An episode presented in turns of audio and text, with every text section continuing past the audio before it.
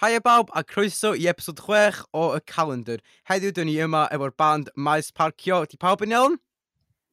Woo! Oh. Dwi'n iawn. Cool, na. Hapus iawn bod ych chi gyd yn neud yn iawn. So, ia, yeah, so, um, o ran pawb, so pawb jyst yn mynd i cyflwyno hynna'n, cos obviously, mae ma lot pobl yn nabod y band Maes Parcio, ond falle dydy pobl ddim yn gwybod pwy sy'n neud fyny'r band. So, um, so chdi wedi cymryd gyntaf, uh, Tom, Uh, helo, fi di Twm. Da chi probably'n gweld fi tu ôl i'r keyboard hmm. ar, y, ar y band. Awesome. Christopher Kevin. Hedydd? Uh, helo, fi di Hedydd. Dwi'n chwarae bes. cool. A gym Owain Siol? Owain, uh, dwi tu ôl i'r drums. So dwi'n reit ar y Kevin, ond dwi'n ei lot o sŵn. A last but not least, Gwydion Ostrom, ti'n iawn? Yn diolch i fi Gwydion, chwer gitar a trio canu, trio gorau fi canu. trio gorau. Well, I like the spirit ag, you know, dyna di spirit bod yn band yn y sîn annibynnol dyddiau yma. Ond na, dych chi'n gallu canu'n iawn ag dych chi efo cedwraeth gret. So, Ia, yeah, un peth o'n i eisiau gofyn i chi, pam na chi ddechrau'r band ma, a sut ddaru efo gael ei ddechrau? Well, long time ago, in a galaxy far away, A na. Marathon Rock yn y galeri yng Ngharnarfon. A wedyn, da ni gyfarfod yma na, dwi'n meddwl. Do. Oedd pawb yn nabod y gyd cyn hynna, ta fatha, oedd, fatha, ta, ddarach chi gys os yw'n weld i'ch gilydd a gwneud ffrindiau yn y Marathon Rock chi. Wel, twm o fi bod yn ysgol, os oedden ni dosbarth meithrin. Wedyn, wnaethon ni gyfarfod yr un Owain Sean, ar Ie, yeah, ironically, yr un oedd yn hwyr. Fel ydw i i recording y podcast ma, so, um, you know, what's changed? ne, ne, mae neb yn gorau gwybod sy'n Sticking on brand, o'n nhw ddeud. Yeah, sticking on the brand. A mae hedydd yn newydd i'r band os ti'n gwybod yn iawn, tydi? Yndi, ers mis rhagwyr. So, cool, cool. Dyna lot o'r storys mae newydd i fi hefyd, ti'n gwybod. Um, so dwi'n edrych ymlaen. O, gael gedi, Dwi'n edrych ymlaen hefyd ti, a mae'n siŵr bod pawb sy'n gwrando yn edrych ymlaen hefyd. So, ie, yeah, Marathon Rock. So, um, sut brofiad oedd Marathon Rock? Cos dwi'n dwi wedi cael sawl person yn sôn amdano Marathon Rock ar y podlediad. So, dwi'n wedi cael test ni, dwi'n wedi cael... Ie, uh, yeah, Gwenno Fôn hefyd. Um, ma, ma, ma, efalle ydych chi'n abod hi, mae hi'n cofi hefyd. So, ie, um, yeah, sut, sut broses oedd o ag um, bysych chi'n argymell o'i bobl arall? Wel, dwi'n meddwl. Wel, i ddeud, dwi'n meddwl oedd hedydd yna hefyd, oedd o'ch di yna hefyd oedd hedydd O, mae'n rili bizar, dwi'n meddwl, cos oedden ni... Pa flwyddyn oeddech chi yn y tro gyntaf? Dwi'n siŵr na 2018, dwi'n meddwl. Ie, yeah, cos oedd so, o maes parcio oedd yn, o, o ni, wel, paracetamol oedd enw'r can. Paracetamol. Oedd aerobic, sef, ti'n gwybod, Tesni oedd Megan Wyn, mm. ac wedyn oedd Gwenno, So, hwnna oedd y pedwar, uh, very strong man oedd yn rocker yn yno. Pawb. Definite. Na, fatha, I mean, dwi'n meddwl mae majority o fatha, sort of frontmen, mewn ffordd a frontwoman fatha Marathon Rock probably bod ar y podcast ma'n barod, so mi na jyst yn wbeth reit ni. Ond, um, ai, ia, yeah, so, fatha, um, cool. So, da be chi'n neud y Marathon Rock, ta, o, o bod be chi'n neud o blaen, dwi'n meddwl, oeddech chi jyst gorau fatha creu can, ac o'ch chi'n cael fatha help gan rhai bobl, fatha, na bod rhai pobl yn cael help fatha gwylyn ac ati, ac oedd yna gig mawr yn diwad. Sut oedd y gig mawr yn diwad i chi, fatha, nes yna sort of Cos I suppose, enilliad ydy bod band yn Marathon Rock, falla bydd nhw ddim o reidwyd yn aros efo'i gilydd. Tha, dych chi'n meddwl mae gael perfformiad ag sort of yr, y profiad y gigio wedi rhoi sort of tân i'n erth i chi a mwyn i chi gadw efo'i gilydd. Cos dwi'n mewn band fy hun a fatha, dwi'n gwybod weithiau pa mor anodd ydy cadw fatha cysylltiad a cadw just ymarfer ag ati. So fatha, ydy'r ysbrydoliaeth na o gigs ag ati yn wbath sy'n sort of gelio chi o ti gilydd? Ai, definitely. Ie. Yndi. De definitely efo fi, dwi'n meddwl. Cos dwi'n cofio cyn, neu, cyn i ni wneud o, o'n i, o'n i'n, er ni efo ffydd os o'n i'n gallu ar, ar, cario ymlaen mynd rhaid o'n i'n neud uh, caneuon. Cos o'n i, o'n i'n, o'n i'n licio beth o'n i wedi bod yn neud ers oedd o'n i'n meddwl. Ond wedyn, dwi'n meddwl, ar ôl y, y gig ola yna, dwi'n meddwl, dyna pryd nes i sylweddoli bod yna rhywbeth yna a e rhywbeth da sy'n ni'n gallu cario ymlaen neud. So yeah, mae gigs yn bwysig iawn. Dwi'n fel, o'n i'n yeah. poen i braidd yn y... Atha ni'n neud y gig na'n mis Aws yn 2018, wedyn atha ni'n bronio'n blwyddyn tan gorffennaf 2019 tan y gig, ail gig ni. Yn, um, ia, o'n i eisiau gwybod fatha, o ran musical influences, be, be mae pawb yma actually ta gwrando i? Fatha, o'n i ddechrau efo twm dan? Um, dwi, dwi di bod yn, dwi jyst yn gwrando i lot o pethau, ond definitely mwy o fatha'r ardal rock na lle fatha 70s, 80s, rhywle fel na. Dwi'n meddwl, cys dyna, dyna oedd yn had di, di really danos i fi, mwyn am byd. Cys cofio, yn y car, efo'i CDs, gwrando i, i bob, bob math o gynnu. O'n, on i'n gwybod pwy oedden nhw, ond o'n i dwi'n cofio heina, dwi'n meddwl, maen nhw, fel dwi bod yn hun, maen nhw wedi bod yr eitha nostalgic a lle dwi bod yn gwrando mwy arnyn nhw ac ar brofi mwy ar pethau fel yna. So dwi'n meddwl, ar ardal uh, 70-80 roc ydy lle mae lle dwi'n cyfrannu gobeithio.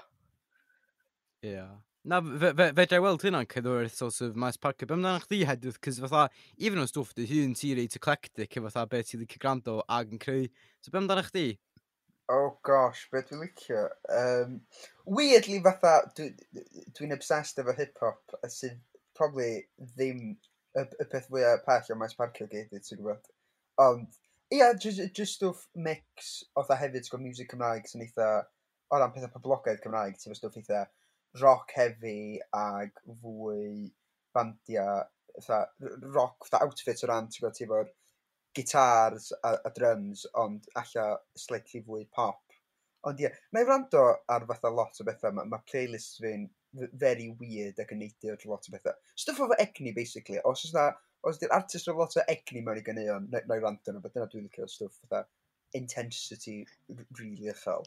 So mae bron fatha bro, bron fwy amdano perfformiad ar y record i chdi'n yr actual car mewn ffordd, cys o'ch ti sôn lot amdano egni. Ac um, ia, yeah, mae egni yn rhywbeth, mae'r band yma definitely efo lot ohono fo, so mae'n neud symwyr da iawn bod ti'n rhan o'r band. So, um, beth ydych chi gwydio? I mean, ti wastad yn postio rhyw ganeuon fatha, ar, ar dy stori ag ati ac ti'n caru gwrando, fatha, mae'n siŵr mae dy, dy gymdogion, dy gysau ar y funud efo'r amount o cerdd a ti'n chwarae rhywun allan, allan dy ffenast chi, so, be, be, be ti'n gwrando ar chi?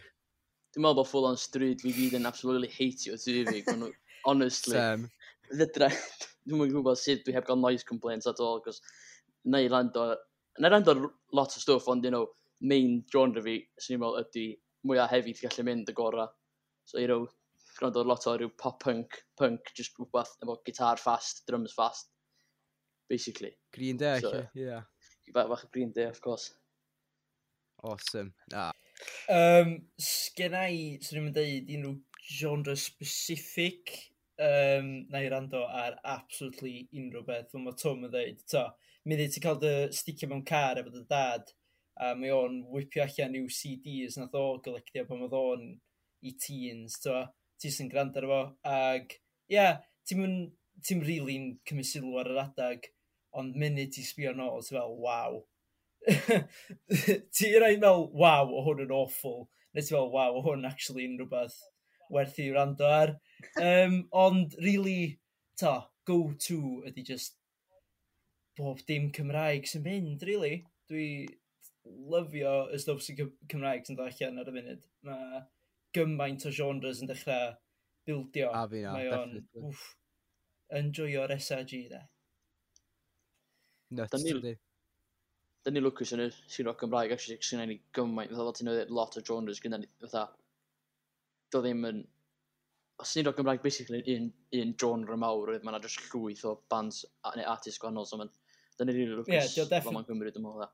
Dwi'n meddwl, un o'r peth, So mae'n hyn o subsets o fewn y bod i sy'n o Cymraeg hefyd fatha, mae'n ma hollol nuts. Mm -hmm. Na, ie, dwi ddim yn sy'n rock, na. Mm. Ia, dwi'n meddwl, un peth rili da fatha mae sy'n Cymraeg ydy bod o'n eitha, um, ddim hawdd, ond fatha un peth efo um, sôn am Marathon Rock, fatha dwi'n teimlo os fysa chdi mewn, dwi'n mynd i siarad o brofiad yn amlwg, ond am bod um, alla torri mewn i sîn yn rywbeth o Lloegr am bod yna jyst gymaint o lefydd. Ti efo fatha llefydd lleol, ond oedd fatha Marathon Rock yn gyfle i fod fatha ar llwyfan yn perfformio efo fatha bandia arall, fatha ifanc, ond hefyd fatha, cos dwi'n siŵr siwr 2018, Gwilym oedd yn headline o hwnna. Yeah, gwyl, so oedd hefyd yn bod yn fatha chwarae efo band oedd actually yn chwarae flaen pobl. So dwi'n meddwl, ag e, mae o'n lot haws i gael gigs yng Nghymru yn amlwg am bod lot o bobl yn nabod i gilydd a mae cael y profiad yna oherwydd er bod hi mor hawdd i greu cerddoriaeth fatha stafelloedd a mae hynna'n anhygol, um, does am byd yn gallu rhoid y profiad o fatha bod ar lwyfan a dwi'n meddwl ma' dyna be mae y sîn Gymraeg yn wneud yn rili really da ydy yn amlwg ddim ar hyn o bryd ond fatha mae ma' gallu rhoi gigs i artist newydd ag rhoi y profiad yna dwi'n meddwl yn rili da. Cant i cant. So, ie, yeah, dych chi'n sôn lot amdan, um, sort of, yr sîn gaidoedd Cymraeg ac ati. Pwy ydych chi eitha wir yn edmygu fwyaf yn y sîn ar y funud i bob un o'n chi? Dwi'n mynd i fynd rawn yn sydyn a deud... Uh, Swy deud Ali Stabi ar y funud. Um, Mae'r stwff mi oedd allan. Ydy un o'r fel... Mm. Tri ydy un o'r albums mwyaf enjoyable, sy'n ei ddweud. Dwi'n rhaid i'r rand arno fo. Ta, ti'n mynd i just eistedd yn ôl a joio music. Um, so, mae'n loads o music da, ti'n mynd i fel mynd yn nuts iddo fo, ti'n mynd i canu ef efo fo, ond rili really efo tri, ti jyst eisiau fel, just yn gampwaith yn te, campwaith o waith o gerddoriaeth. Ac um, genuinely, uh, just, bo, mi wedi dod ar ryw fath o elfen hollol newydd i fel indie, Cymraeg, um, lle dydy o'n rili really wedi cael ei wneud o blaen gan artist unigol, swn i dde. Mae'n reit jazzy tydi hefyd, fatha, a mae hynna rhywbeth sy'n gwahanol ofnadwy, fatha, twod, mae ffordd mae Elis Darby, yn bos mynd yn just yn weird o sylwad, ia, ond dych chi wedi clywed y mel gan talw? Mae eisiau fi'n fi sort of vibe gymaint fel a, a mae fatha pethau fel ag lot o artist unigol, cos fatha, un peth, fatha, dwi'n really hapus mewn ffordd bod ti'n dweud o'r starbu, cos, um, suppose, weithiau, bod fatha artist unigol fel na sydd fatha un o'r pethau mwyaf anodd i ddod i fewn at. Ydych chi'n credu bod y, y sîn Gymraeg yn bach yn obsessed efo band? Cos yn sicr, arguably, o'n i'n meddwl fatha o blaen yn lle fod o, ond wwan, ydych chi'n gweld newid yn hynna gwbl ta dim rili? Really? Dwi'n meddwl bod na o ran mae faint o amrywiaeth, o hwn ydy fwy o amrywiaeth sy'n erioed i bod o ran pwy ydy'r bobl sydd yn fatha sy'n Gymraeg a be ydy'r artistiaid y fewn hynna. Ond dwi'n meddwl mae yna dal um, fatha, oedd yna ffraid bach yn ôl, be oedd o, pam, 2019, e? pam oedd fatha Gwobra Selar a nhw gyd yn fatha, um, e-, ironically, yr un peth â ni, ti'n gwybod, fatha, band, efo gitar, a drums, a ffrilysydd. So oedd bach o gwyno fanna, so Alla bod y music quote on quote poblogaidd, fatha really poblogaidd Cymraeg, dal yn obsessed efo bands. Ond dwi dwi'n meddwl ma' ma' lot yna 'di ddatblygu yn ystod lockdown. Cos mae'n lot o bobl jyst 'di penderfynu pigo fyny fatha laptop nhw a dechrau creu music. Mhm. Cant y cant. Ie, na, definitely. So, ie, yeah, cant, fatha, fe, fe, fe, fe daim i fynd dweud hynna well i fy hun, fatha mae lockdown jyst 'di wneud gymaint o bethau da. Yn anffodus, yn erbyn band, ia, mewn rhai ffordd, be, be ydych chi fel hynna? Dych chi mewn ma lockdown di gweithio'n dda, ydych chi o gwbl o ran creu... I mean, ar ôl clidio... Neu, I mean, dwi'n ateb cwestiwn fy hun yma, really, cos mae tha... Sut iffa'r fedr di gael unrhyw benefit? I mean, mae Gwilym di trio wneud pethau, tha, nath nhw'n wneud sengl 50 ond gafon nhw mor boblogaidd, I suppose, maen nhw yn just gallu troi fyny i gael yr un o'n beth fel yna, neu efo'r S4C a gael amser, cys gwaith ydy hynna i nhw, de. A wedyn, twod, maen nhw'n neud pethau fatha logic dros y Zoom a bachu, os o'ch ti'n gwrando ar... Um, dwi'n meddwl na sesiwn fatha sut o'n nhw'n gweithio o gati. Sut ydych chi'n gweithio ar y fynd fatha band fatha dros band? lockdown? Fydde... Wow.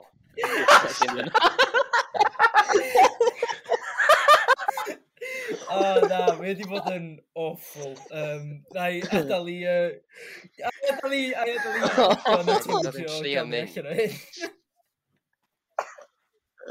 um, um, iawn, na, na i trio, na i trio safi hyn. Um, Wel, wel, beth sy'n rhaid? Um, Wel, e, nôl yn Ionawr, athyn ni'n trio gael practice yn galeri, cos oedd y galeri ydy'n neud ydyw, be oedd o, rhyw thing falle oedden nhw'n gadael oh, yeah. bands neu artist mm. neu rhywbeth, rhywbeth yn y byd credigol i dod fewn a defnyddio hynny. Dyna nath nhw i drio, wedyn, oedd o fod ti erbyn diwad Ionawr, ond oedd y cases dal mor ychan, nath nhw'n benderfynu just stopio, nath nhw'n just benderfynu ddim wneud o'n yna. So dwi'n meddwl hwnna oedd agosau ni ddod nôl at yn gilydd ers blwyddyn. So dyna mm. pretty much heb wneud dim byd at all, ia. Wel, dim byd fel grŵp. Dim byd fel grŵp, ia. Yn union, dwi'n fatha, ddau, ddau fynd at piano neu rhywbeth, tria meddwl am pethau, ond mae, dwi'n meddwl mae'n bod rili really anodd. Dwi'n meddwl, y peth gorau amdan Marathon Rock oedd, oedden ni basically wedi cael ei locio fewn rooms efo'n gilydd. A wedi cael ei fforsio i, i meddwl am pethau. A wedyn, ers yna, mae, da ni wedi cael lot o chances i hyd yn oed just jamio yn am byd. So, ac heb hynna, mae'n ma anodd iawn gallu mm. meddwl am pethau newydd fel band, dwi'n meddwl. Dwi'n meddwl, yeah. dwi'n meddwl ar ôl lockdown, ia. Ar ôl lockdown, dylsyn ni just mynd i ryw isolated mountain, mae rhyw cabin tiny am ta 3 mis, a just, literally, yeah. Cos dwi'n meddwl, na ti'n dweud, dwi'n ni'n locio fo'n i stafall, do. So, dda, dwi'n meddwl hwnna di just ffordd haws i wneud stwff fatha band, di just bod yn yr un stafall. Mm. Am, am, am, dwi'n am, am, meddwl, am, am, am, am, am, am, am, am, perffaith o le i gychwyn band oedd Marathon Rock, really. Um, efo help gan mm. so, Branwen o Sian Candelas um, a Guy Toms. Ti'n sôl, oh my Guy god, um, gafon ni leg up huge yma yna. Ac, um, yeah, i feddwl na mon dau o'n i oedd yn nabod yn gilydd cynt uh, a bod wedi cael band allan yna. Um, a wedyn i cymharu efo lle da ni wwan, lle da ni'n pedwar person, nabod yn gilydd yn ffain, ond da ni'n medru gwneud dim byd amdan y peth, mae o'n scary i feddwl sy'n fel situations yn newid mewn all of 10 mlynedd. Mae'n brifo, mae'n ma brifo, ia. Dwi yn meddwl fydd, o'n i siarad am hon efo um, Osian heddiw mewn fatha, y cai o ran artist thing. Um, ac o'n i'n, oedden ni'n deud, dwi'n meddwl unwaith fydd y lockdown drosodd o, mae'n mynd i fod fatha low-key fatha golden age i fatha cerddoriaeth Gymraeg oherwydd mae y, y, y fatha twf newydd ma o fatha pe- basically pawb gafodd ei enni'n 2000s fatha di troi yn o bod fatha teenagers bron i fatha artist iawn ac fydd pawb just isio mynd i gigs. Fydd na gigs fatha dwi'n gallu gweld fatha bob yn ail wsnos ti'n god, ac fydd na gymaint o artist fydd nhw'n gallu cefnogi. A, a alla ti'n god, bod fi just yn just ddim yn iawn a fydd hyn ddim digwydd. Ond dwi'n meddwl na dyna beth fydd o, cos mae'r gymaint o bethau wedi bod yn digwydd a fydd pobl mor barod i weld pethau'n digwydd eto. A mae gymaint o bobl yn barod i ddangos... Mae'r cynulleidfa dal yna, os na i'n mynd yn fwy. So, dyna di'r thing. Mm. Ei. Back hyn a cant y cant. Otha, yn bod amdano chi o, ond otha, yn bod, dwi'n meddwl band fo Osian Cai, wrth gwrs, otha Llecha Fydyr, a dwi'n y stwff ei hun.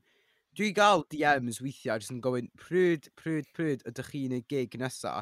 A dda, pryd mae gigs yn dod allan? Mae ma pobl yn DMio artistiaid yn gofyn pryd mae gigs yn dod. A dda, os dyna mae dangos faint o audience sydd yna a faint o pobl sydd genuinely methu disgwyl. A dwi'n dwi, dwi methu bod just yn fi, oce? Okay? Mae'n ma gorau bod yn tha lot o artistiaid arall yn y sîn. Enllai ddim yn annibynnol, ond fatha, just bob man, jyst yn ysu am eisiau mynd. A fatha, pan mi siarad i bobl, ti'n gyntaf yn dweud, o, oh, dwi'n methu gigs, gymaint dod, dwi'n methu mynd allan. Cant i cant, golden age, well, platinum age, sy'n dweud, i'r sy'n Gymraeg.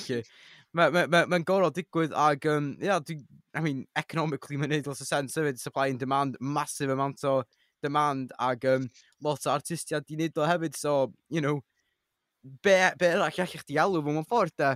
So, Ie, yeah, o ran y band, mewn ffordd, um, beth eitha gobeithio yn chdi ar gyfer y Golden Age, da be di'r um, be, be di gol chi ar gyfer da, diwedd y blwyddyn y diwedd blwyddyn nesaf chi? Ta, dych chi ebdi rili meddwl amdan hynna. O, jyst off, off pen chi da. Lle ysach chi licio maes parcio fob mewn dau blynedd? Brydyr bandia 2022? Um, Fi, ie, ie, ond fi wedi bod yn normal. Ie, sy'n rhywbeth fel na.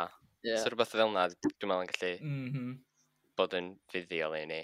A just, just, just am yr experience, diw'n is, e, fatha ffordd i ni gael enw ni allan eto, fatha, a just gael chance i chwarae eto, just gigs.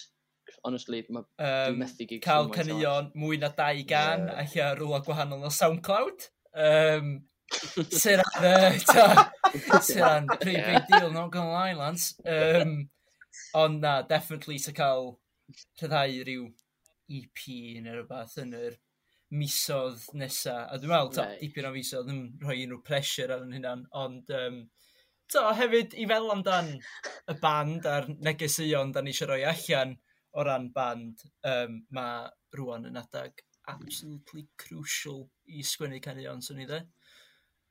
Ie. Yeah. Cant i cant. Dwi'n meddwl bod na ddim digon o, o ran pobl yn i, i, i isio... Dwi'n Dwi, meddwl mae yna digon o bobl sy'n newid y byd, ond ddim digon o bobl sy'n newid y byd trwy gerddoriaeth yn Cymraeg. Dwi'n meddwl, da ni... Ond mae rhywun yn deud bod y, y sîn Gymraeg lot rhy neis a bod nhw'n ffrio fe gilydd. A dwi'n cytuno o'r yma, mae pawb yn rili really neis, ond mae pobl yn gwybod bach mwy blin yn erbyn allan y system a trio newid hwnna. God, a rwy'n meddwl bod chdi'n deud mwy blin efo'n gilydd o'n, yn cael chi'n bach yn nervous. O, ar i'n mynd i gael fel guitars ni, a ar i'n mynd i gael... Ie, ie, mob mynd, a hwn i'n ama. Ie, exactly. Cael guitars ni fel... Nawr ni dechrau beef. Fatha beef nawr, fatha Oasis, nhw bath, fatha Cymraeg, fatha, Y Rods, fatha, oi na, dim wylicio drymwyr, ni fatha maes parcio, fatha, gwydio na, dwi'n dweud, osian i gael massive falling out, oherwydd bod ych chi eisiau replace fod y drymar. Na, stwff i, da ni'n dechrau beef efo pawb, da ni dechrau beef efo pawb, maes parcio yn y byd, oce? Pawb, sori. Boris. Ie, ie, na, na, pawb, da ni'n dechrau beef rwan, officially. So, dyn ni as warring factions yma, mae hyn yn mynd i fynd lot mwy entertaining as ydych chi'n gwrando ymlaen. joke oedd na, na, joke oedd Ddim joke oedd o, ddim joc o ddo. da ni'n cymryd am gyrfa pawb, bob dim wwan. Mae Maes Barcom wedi destroio pawb yn y chat Cymraeg, sy'n even charts Cymraeg, a neud nhw, nhw. a topio nhw. Y selar Cymraeg a.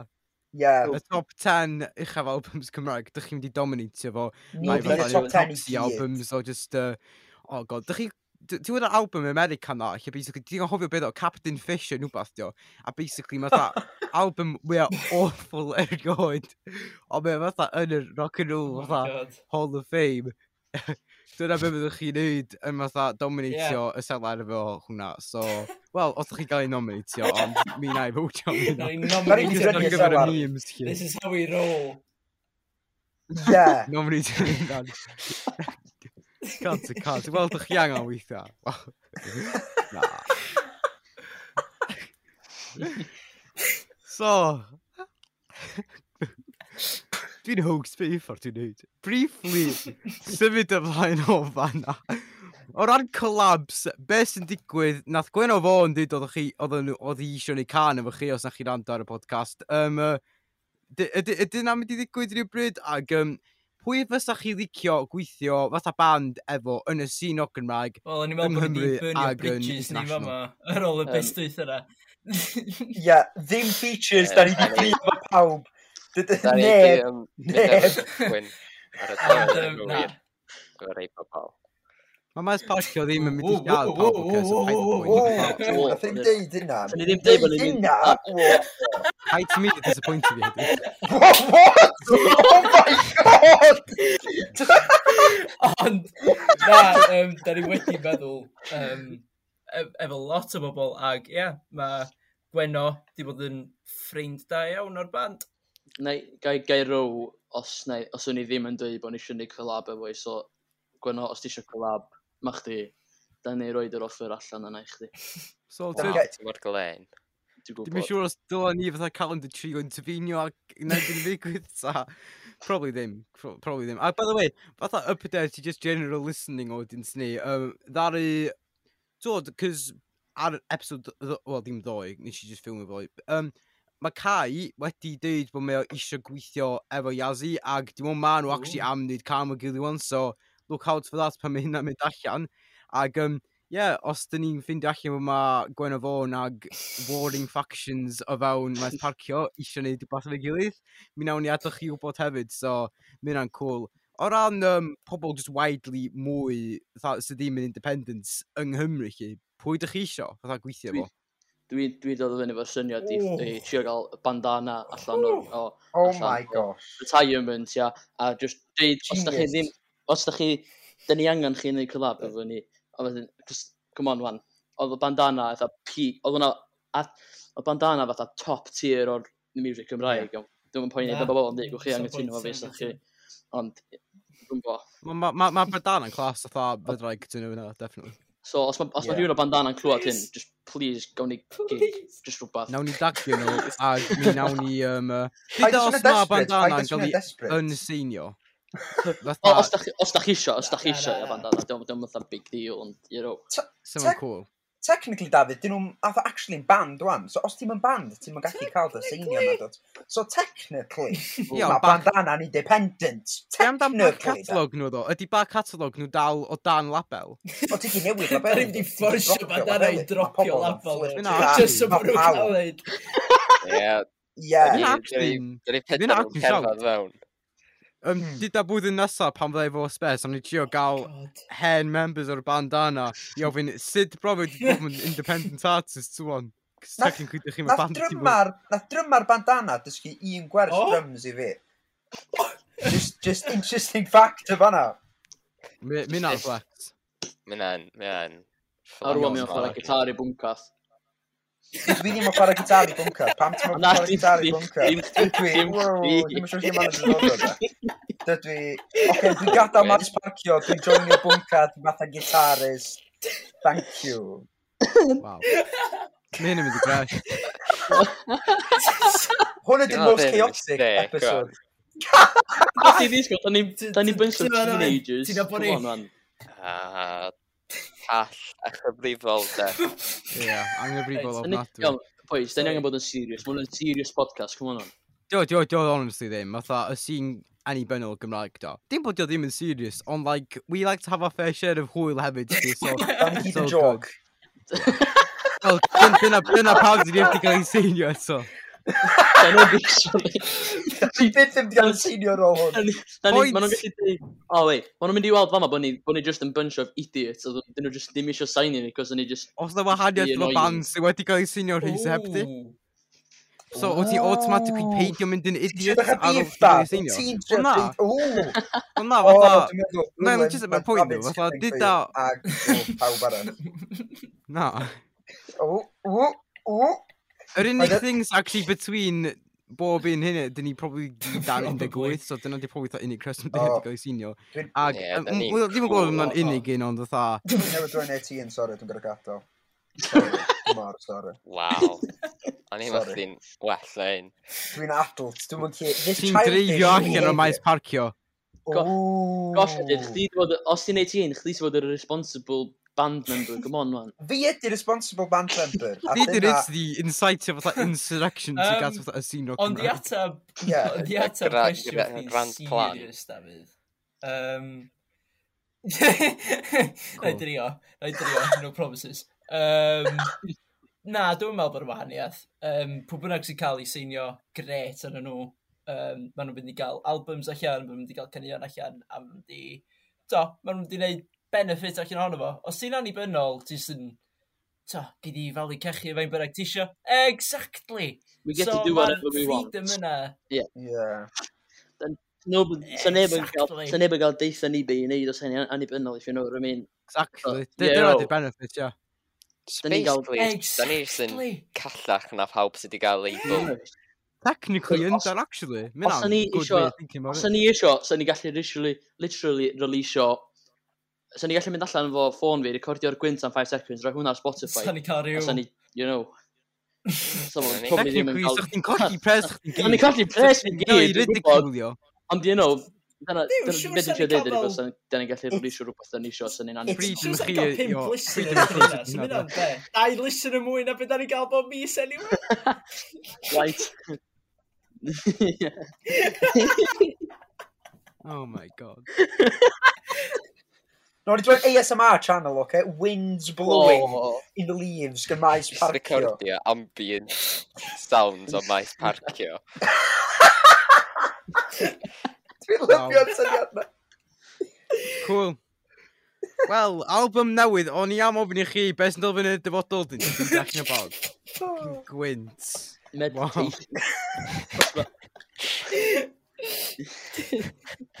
Gwynt. Gobeithio'n really, really disgleirio, fatha disglair y dyfodol. So, Na, da ni'n wedi gael okay. Rich, Rich Roberts i producio fo, um, da ni'n wedi da ni'n seinio i recordio cosh yn neud hwn, oce. Okay? Ond fi'n big release, oce, okay? fwy na tsunami, da ni'n wedi gael fatha music videos efo all the Netflix actors, fatha ambient noises, maes parcio, 2021, massive release, massive release. So sôn amdan massive releases ywan, um, hoff geg chi, ag ddar chi bod yn digon lwcus, wel dim digon lwcus, ond na chi gael profiad o gigio efo Fleur de Lis.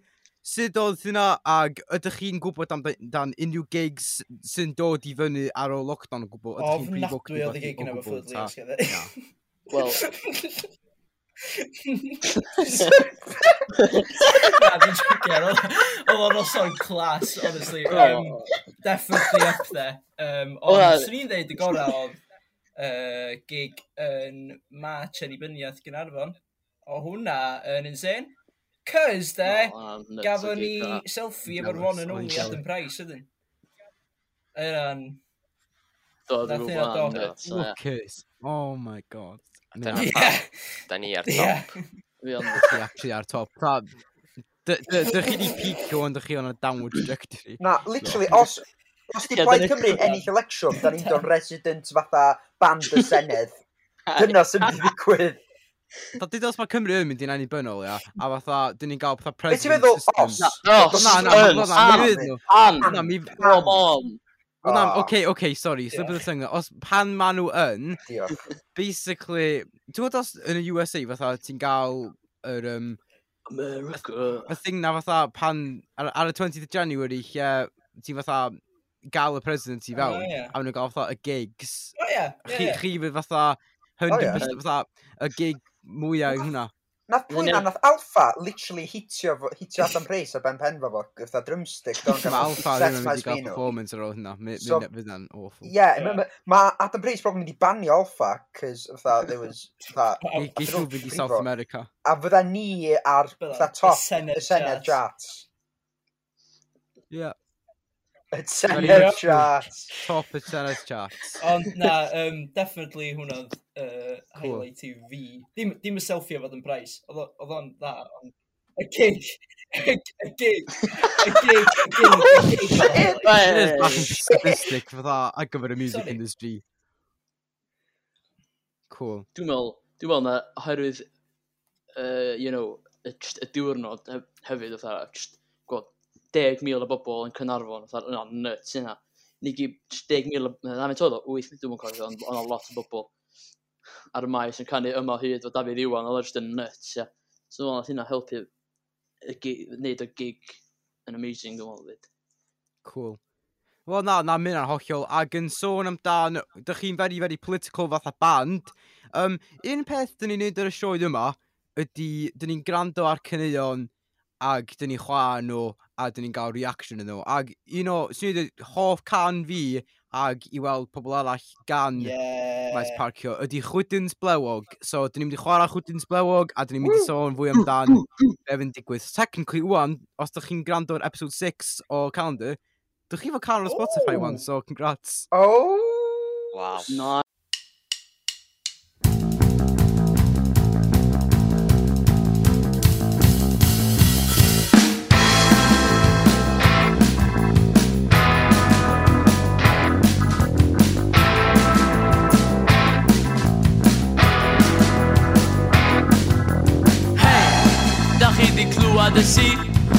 Captain's bleu a garin Hollani Hey, dach i di clwa dy si Ma chwtins bleu a garin Hollani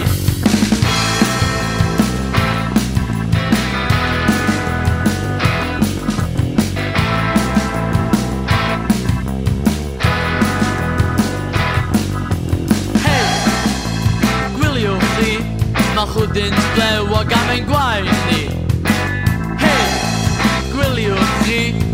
potent flow, got me quiet.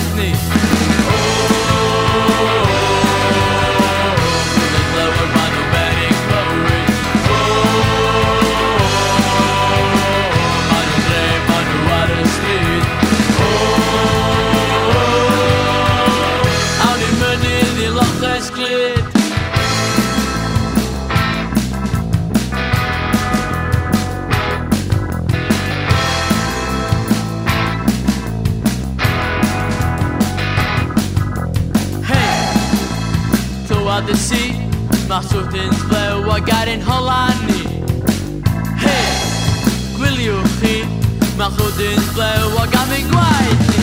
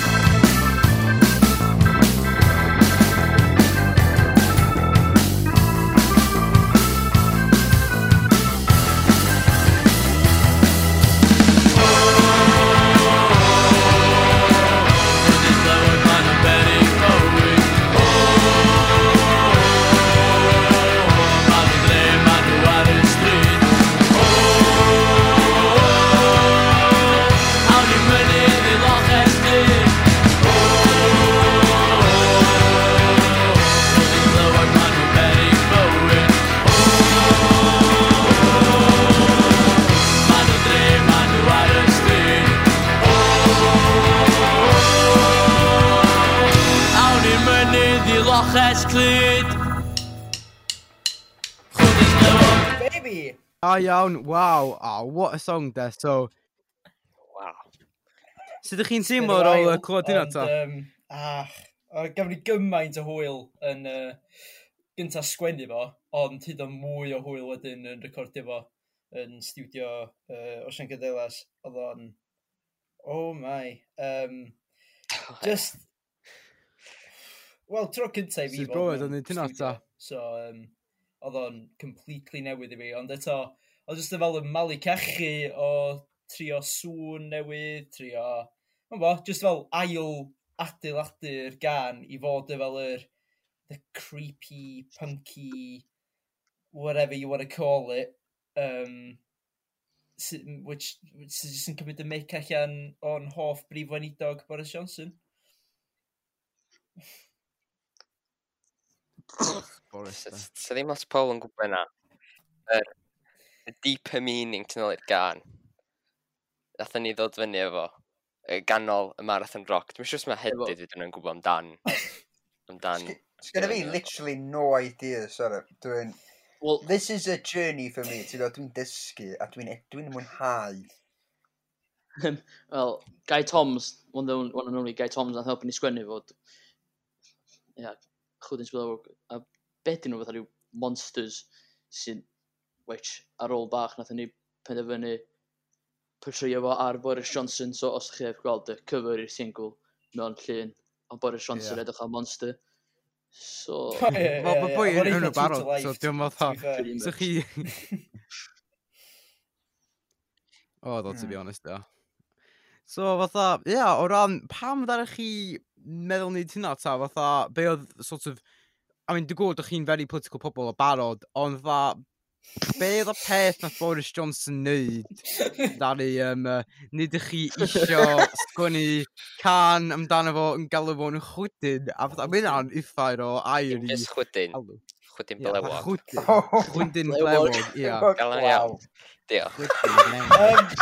Ti eisiau ni wneud leis i chdi? Ti eisiau ni wneud efo ar ffurf PDF, carrier pigeon... Top, okay. top 3 i chi. Top 3. Nawn na, na, na ni gadael hynna. Top 3 worst crimes, Boris Johnson. Yr hiliau... Starting with Ian Bourne. Capitalism a'r casineb sy'n gat Cymru. That's about... Oh, that's... Casineb at bob dim sydd ddim yn Tory. Yeah, yeah, a, really. Yeah, pretty much. sydd Ddim yn Lloegr. Ie, yeah, mynd yeah. ar ei dot o sens. Ond pan oedd pan oedd hynny beth sgwyn amdano fo, oedd o ddim necessarily am Boris Johnson, oedd o literally just, yeah. oedd penderfynu sgwennu efo gai Tom's can am monsters bach, ond oedd o ar ôl bach, oedd i'n meddwl, wel, da ni angen rhywbeth gwell na, o, oh, just monsters dyn nhw, so oedd ni'n meddwl, so gallai bod yn bod yn metaphor am uh, Boris. Sy'n fel, kind of fel, sy'n nhw ar y strydoedd ni, di fel, ta, da ni'n byw uh, amgylch yn anffodus. Lot o yeah. Tories, ie. Yeah. Ac i fi, fel yr Tories, un o'n famos sy'n dod o Sir Fôn. Um, nath hynna ddod chyni bach, ie, yeah, dwi'n Bechod. Ond A na ddim bechod fod chdi o Sir Fôn, as unig Tom, sorry, sorry, sorry. Dwi'n bod yn bechod o Sir Fôn. Bechod, cos mae Tory constituency, dwi'n gweithio Sir Fôn, dwi ddim, efo ddim byd yn erbyn Sir Fôn, dwi'n mor sorry Sir Fôn, sorry. Ond ia, dwi'n dweud, ar ôl ar ôl lecsiwn... Come on, uh, blesio ni, mis mai. Gan yna do, chyddi bach hit home, chyddi bach i fi. Um, efo'r ffaith, ia, da ni'n byw o amgylch yeah. lot ohonyn nhw. A maen nhw wedi cymryd fyny yn, um, yn strydoedd ni. Dwi'n bod yn hmm. weird, ia, ond twyd yn dos o'n election, si aros fyny. A pan nes i weld, oce, okay, sorry, dwi, dwi, dwi, dwi wedi bod yn trio wneud hwn yn podcast parchus, ond sorry, dio ddim iawn, oce. Okay? Dwi'n dwi, dwi, dwi very much wow. yn erbyn y blaid gydwadol, iawn. well, actually, na, personally yn dwi, actually, so... Di ddim yn mynd i gio malu cachim dy hynna. Ac o'n i'n mor gytid fo Ynys Môn, nes i dechrau blerio chwydins blawog. No way! Fatha canu long efo, yn gwachad fatha hwnna yn ennill.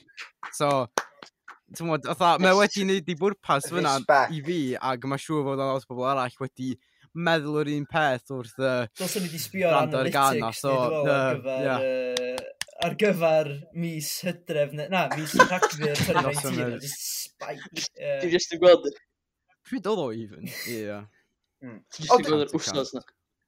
Dwi'n meddwl mae o'n rhywbeth fatha, os ti'n sbio nôl yn hanesyddol ddo, ar cerddoriaeth Gymraeg, mae cerddoriaeth protest A fatha yn amlwg Cymdeithas rhaid, fatha gigs maen nhw wedi trefnu, mae hwnna wedi bod yn gymaint o fatha rhan o'r diwylliant, mae'n rhywbeth mm. sydd ar goll, dwi'n meddwl, dyddi yma. Ti'n cael fatha weithiau caneuon, ond dwi'n meddwl mae yr push yna ar fatha main stage cerddoriaeth Gymraeg ddim mor cry ac o'r ddiddorol weld lle mae hwnna'n cyn mynd. Dwi'n meddwl bod... Yndi, dwi'n meddwl mae'n artist angen, dwi'n bod, I mean, lla, lla di bob band a artist ddim yn political, ond, you know, mae'n just yn, dwi'n meddwl, mae'n lla lle i ni fel band, mm. you know, trio cychwyn, dod o hyn a'n ôl, cos oedd obviously fel David Iwan back in the day, yeah. the legend. One of, We are the reborn David Iwan. Basically, yeah. pretty much, yeah. Fatha thing ydy, na ddech chi dweud earlier yn y podcast hefyd bod ddech chi isio fatha fwy o angerdd yn y scene, really, fatha ac mae hynna'n cant i cant yn llawn bwlch na, so, wow, Cos y thing ydy, un o criticism gyn lot o bobl amdan sort of y scene independent Gymraeg ydy fatha bron bod dyn ni yn pobl ifanc sy'n heb di ffeindio sŵn ni, ond wel, yn sicr, dych chi di ffeindio nis chi o ran be dych chi eisiau neud y band ag, you know, er mwyn cynnal band, mae siŵr fod yn broses anodd, ond o le mae hynna'n sbwyr i chi ymlaen, dych chi'n gwybod dych chi fod pwrpas.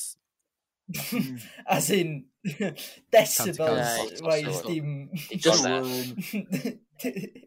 Ond na, definitely, uh, go point chdi fanna. Um, The bigger dyma that... di'r kind of y, y, y path da ni di mynd ar rwan, a dwi'n meddwl, a ni, a ni sticio ddo fo, ond eto, to, sa'n byd yn stopio ni rhag experiment i dal i fod, to. Not at all. The bigger the amps, the better, basically. So, ie, yeah, un peth o'n arall o'n eisiau sôn amdan, oedd um, wrth gwrs, ydych chi'n very, very political yn eich natur fatha band, ag os ydych chi wedi gweld, um, dwi'n nad ITV neu, neu Nation.Cymru, wneud um, sylwad bod oedd y memes ymysg pobl ifanc wedi hmm. actually newid teimlad y pobl tuag at annibyniaeth i Gymru.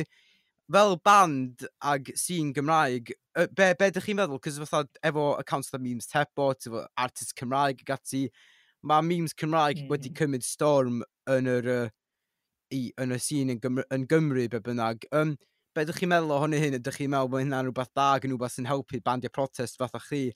Cos mae'r sentiment definitely yn un annibynnau i Gymru yn erbyn y cydwadwyr ac yn uh, tueddu i fynd i'r chwith os ydych chi'n cytuno fy hynna. So, uh, be, be ydych chi'n meddwl hynna? Wel, dwi'n meddwl mae memes ar, ar y cyfan jyst i pobl ifanc, a dyn fel mae bydden nhw'n tyfu fyny, bydden nhw wedi arfer gweld pethau sy'n arwain at un ffordd, neu dim hyd yn oed arwain, ond pethau maen nhw'n cytuno efo. So, dwi'n meddwl, yn sicr mae'r ma, ma memes da ni wedi gweld e, yn e, efo'r anibyddiaeth Cymru, um, fel fydden nhw'n mynd yn hun a gallu fotio pethau, uh, fydd, fydd yr uh, sîn Cymru mm. uh, yn gallu datblygu'r ffordd yna efo fatha pethau. Uh, Efallai ddim gwrth, um, neu uh, efo'r annibyniaeth, ond mwy efo fatha, yeah, pobl yn uh -huh. eu lleisiau mwy o, o fewn eu caneuon ac ddim yn mm. ofyn rhaid eu lleisiau allan.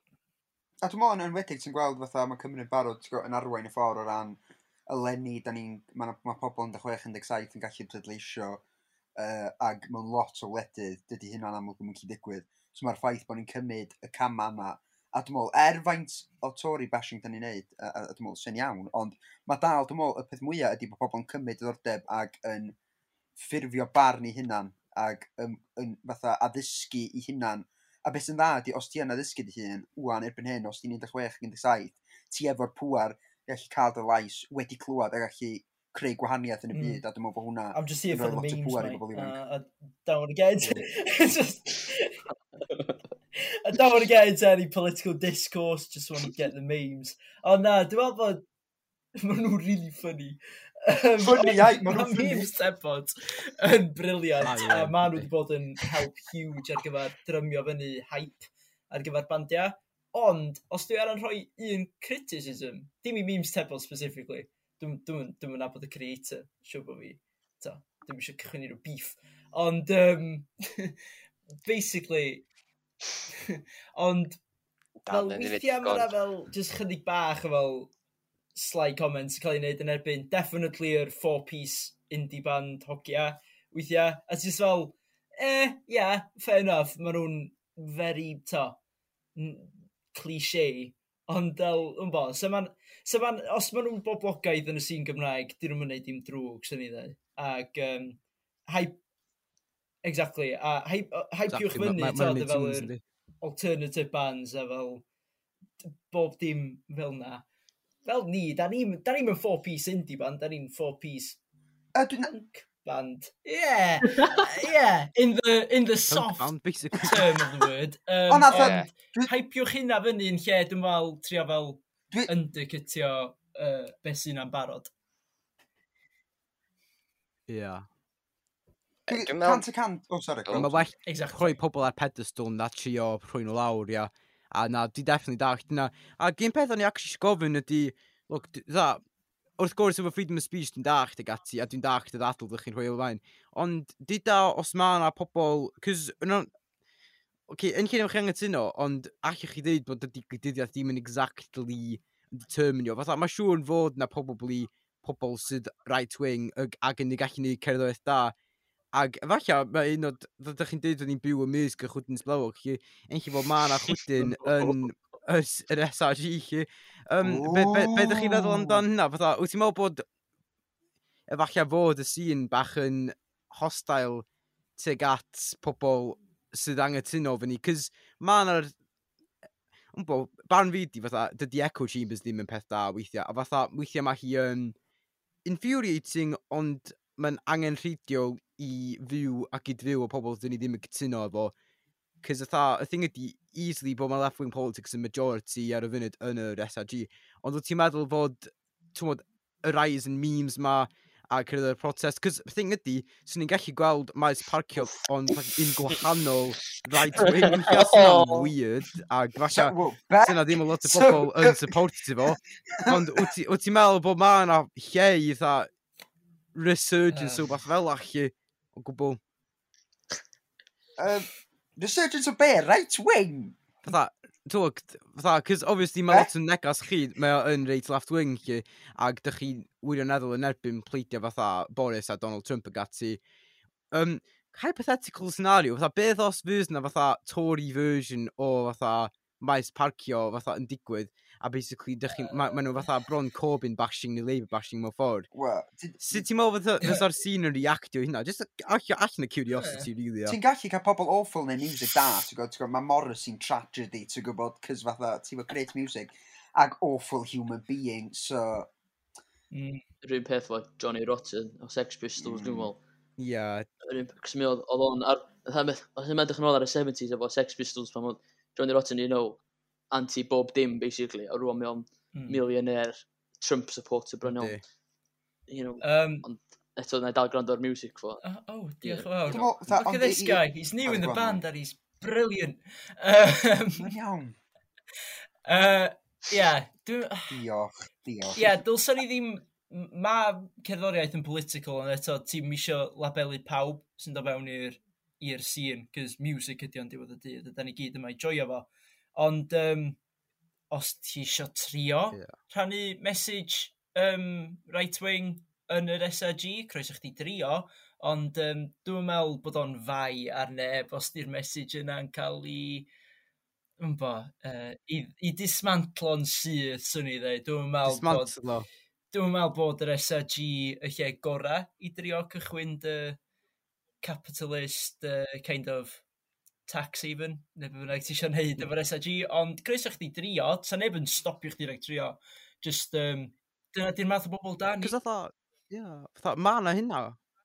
Ma na hynna atho weithio ddo, cos dwi dwi'n cytuno fyna gwbl mewn ffordd, cos thing ydi, I mean, dych ar beth ddigwydd yn y 2016 election, ti gael fatha rappers the Kanye West a Lil Pump ag ati, yn mynd i Trump rallies ac yn supportio, fatha, realistically, pobl falle, i'r sort of untrained eye neu be bynnag sydd falle, os ydych chi'n meddwl, oce okay, na, di pobl yma probably ddim yn mynd i fotio amdan rwy'n eitha Trump chi, ond mae'n ma, ma hollol dibynnol ar yr fath o uh, cydda ti'n neud, yndi? so fatha, allith pobl fatha, ac thing ydi, dwi'n dwi, dwi gweld pobl fatha left-wing gati sy'n grandw eitha Lil Pump ag ati, Ag eto, dwi'n ddim yn really gael, ond eto, mas, I suppose mas i'n hip-hop international fel la, yn lle mae pobl jyst yn meddwl llai amdan fatha, o na, nath o, fatha, nath o supportio Trump neu nath o, neu beth bynnag fel la. A maen nhw jyst yna ar gyfer cydoroeth. Wyt ti'n meddwl mewn scenes mwy bach fatha Cymraeg chi ag, um, to, cos mae Cymru yn lad fach i gymharu efo fatha y sîn leidylol sgwrs. Dwi'n dal mae'r bwysig swn i'n dweud, ond dyn ni yn lle bach, mm -hmm. ond ie, yeah, dych chi'n meddwl bod mae sort of hmm. insularity mewn ffordd, fatha, cos mae o'n sy'n gallu bod yn rhaid sy'n bach a comfortable weithiau, fel, fel dych chi di highlightio barod. Be, be dych chi feddwl o'r uh, hynna? Just, ie, yeah, di gwybod pwynt chdi, yeah, fel ti'n mynd i nabod pawb sy'n y sîn, so ti'n mynd i nabod, ti'n mynd i glwad hanesion am bawb, ac ie, um, yeah, os ti eisiau mwynhau'r music, dwi'n meddwl bod yna literally yn byd yn stopio chdi, dim ots be di politics chdi croeso chdi fynd i maes B, croeso chdi fynd i um, gigs ar draws y wlad, gyd i, gyd i groeso na. Um, ond, ie, yeah, dwi'n dwi, dwi gweld fel bod rhaid i ni wneud rhyw fath o le i bandiau right wing neu kind of pidio, pidio, ie, na, ie, ie, ie, ond um, pidio fel denawnsio uh, bobl right wing. Definitely nhw'n dal syniadau sy'n mynd yn bellach na politics, dyna beth sy'n gyrru'n waed i to, blood pressure i fyny fwyaf, di pan maen nhw'n mynd, maen nhw'n mynd tu allan i politics i wneud rhyw fath o remarks a ti jyst yn teimlo, wel, dyna, to, dyna jyst ddim yn iawn. Exactly. Ta, fel, dim oes be wyt ti'n gredu dyna mae'n iawn i ddeu stwff yna. So, da ni'n lwcus iawn, fel yng Nghymru, da ni'n efo, da ni'n efo hynna o gwbl, really, da ni'n efo, ta, unrhyw fath o controversy o ran bands ac artistiad. Dyna jyst ydi freedom of speech da.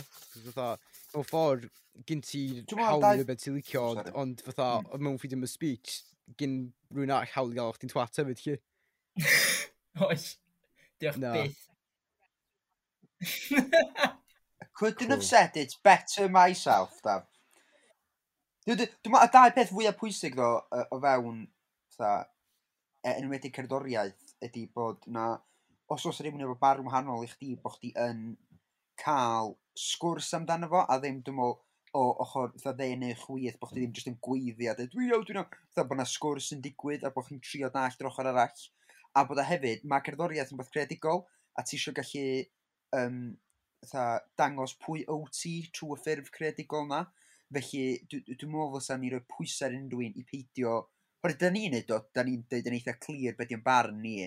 Felly mae'n amlwg fod chdi'n dweud free speech. Um, os di pobl arall eisiau lleisio barn nhw am sut maen nhw'n teimlo, dwi'n meddwl bod hynna'n iawn. A wedyn bod yna sgwrs iach yn dod o hynna, ddim jyst yn amlwg dau cool. pobl sy'n gweiddi ar ei gilydd sydd ddim yn iach i neb.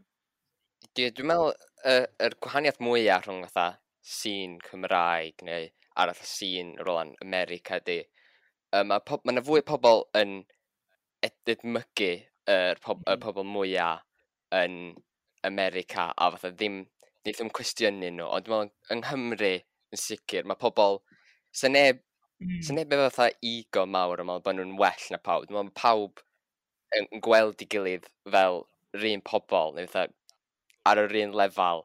So, ma, dwi'n meddwl mae'n haws gael sgwrs trwy cerddoriaeth, gan sa neb yn mynd i just coeli arnyn nhw neu just dilyn nhw heb cwestiynu. Mae fydd pawb yn gallu cymryd be maen nhw'n weld a wedyn, os maen nhw'n cytuno, geithio cytuno, ac os maen nhw'n licio'r cerddoriaeth, geithio licio'r cerddoriaeth, ond efo America efo yr, yr enghraifft sydd wedi efo fatha Kanye West neu Lil Pump, dwi'n meddwl sa pobl yn fanna, yn just gweld be mae'r pobl yn hmm. neud a just dilyn nhw. Yeah heb, heb unrhyw fath yeah. o cwestiynu, gan, gan bod nhw'n gallu siarad efo nhw, cos maen nhw mor fawr. Mae'n bwysig ofnadwy, fatha, mm. dyda so, bo, fatha, Artist X yn y SRG yn fotio Greens, dyn nhw'n meddwl bod mae cult nhw gyd yn mynd i wneud yn peth cant y cant. A mm. fatha, mm. dyna dy'r peth gwahanol, dyn nhw'n sy'n gwahanol i hynna, ag mae ffordd mae'n lot cael toxic, yn mae barn fi, os ni'n bos o'ch chi'n cytuno fe hynna, de.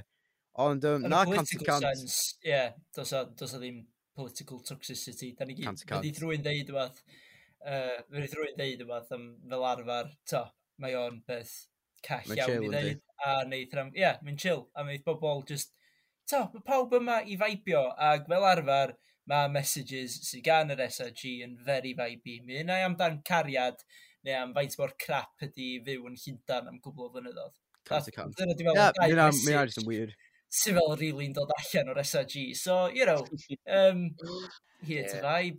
Uh, yeah. yeah. cool. So, ie, yeah, fatha, dim ond ni'n dod, fatha, at, minna dod ni at sort of um, diwedd i dda i'r sgwrs mewn ffordd. So, cyn i chi adael, um, fysach chi licio plygio'ch hunan, just dweud sort of llech i ffeindio'r cydroedd. Ydych chi ar SoundCloud o, o bethau. So, um, ie, yeah, cant y cant, fysach chi licio sôn fwy amdan, fatha, llech i pobl ffeindio chi. Instagram. Um, Instagram, pretty much. And then, Instagram dwi mwyaf. At Mars Parker, Gynna ni Twitter. Ie, Twitter. Ie, Twitter dwi mwy. Na, man. Ti'n mynd ddechrau bod yna. Ia. Da. Na, mae o'n lle... Yna, gormod y pobol. Gormod y pobol rhyw toxic yna. Bantlist Twitter. Nes nhw bach newydd. Mae o... Lle gweld Owen yn mynd ar Twitter. Bob un gael. Follow Owen ar Twitter. Owen yn mynd ar Twitter. Um, ond, na, ewch chi ffeindio ni ar SoundCloud, ewch chi ffeindio ni ar Insta.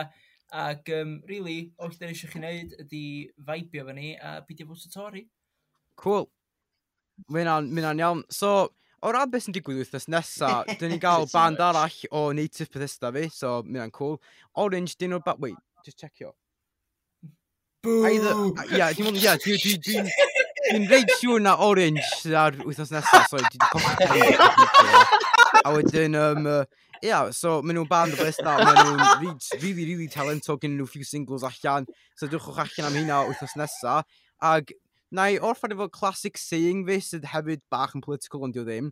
So ar y funud, mae Cymru efo fatha rheol a Covid. A basically, dyn ni gael mynd drwy la, dyn ni isio, ond dwi'n mae'r rheol a pendant. So, och na, dim yn mynd i fod yn horrible, blydi, cadwch at y blydi rheol a. Just cadwch yn saff, cadwch yn hapus, a feibiwch at Maris parcio. Diolch fawr am wylio, am rando, really. Ac um, tara, hwyl, hwyl fawr i chi. Wel, yeah. Tara. Tara. Cofiwch ffwtio plaid Cymru. Ah. Cofiwch ffwtio plaid Cymru.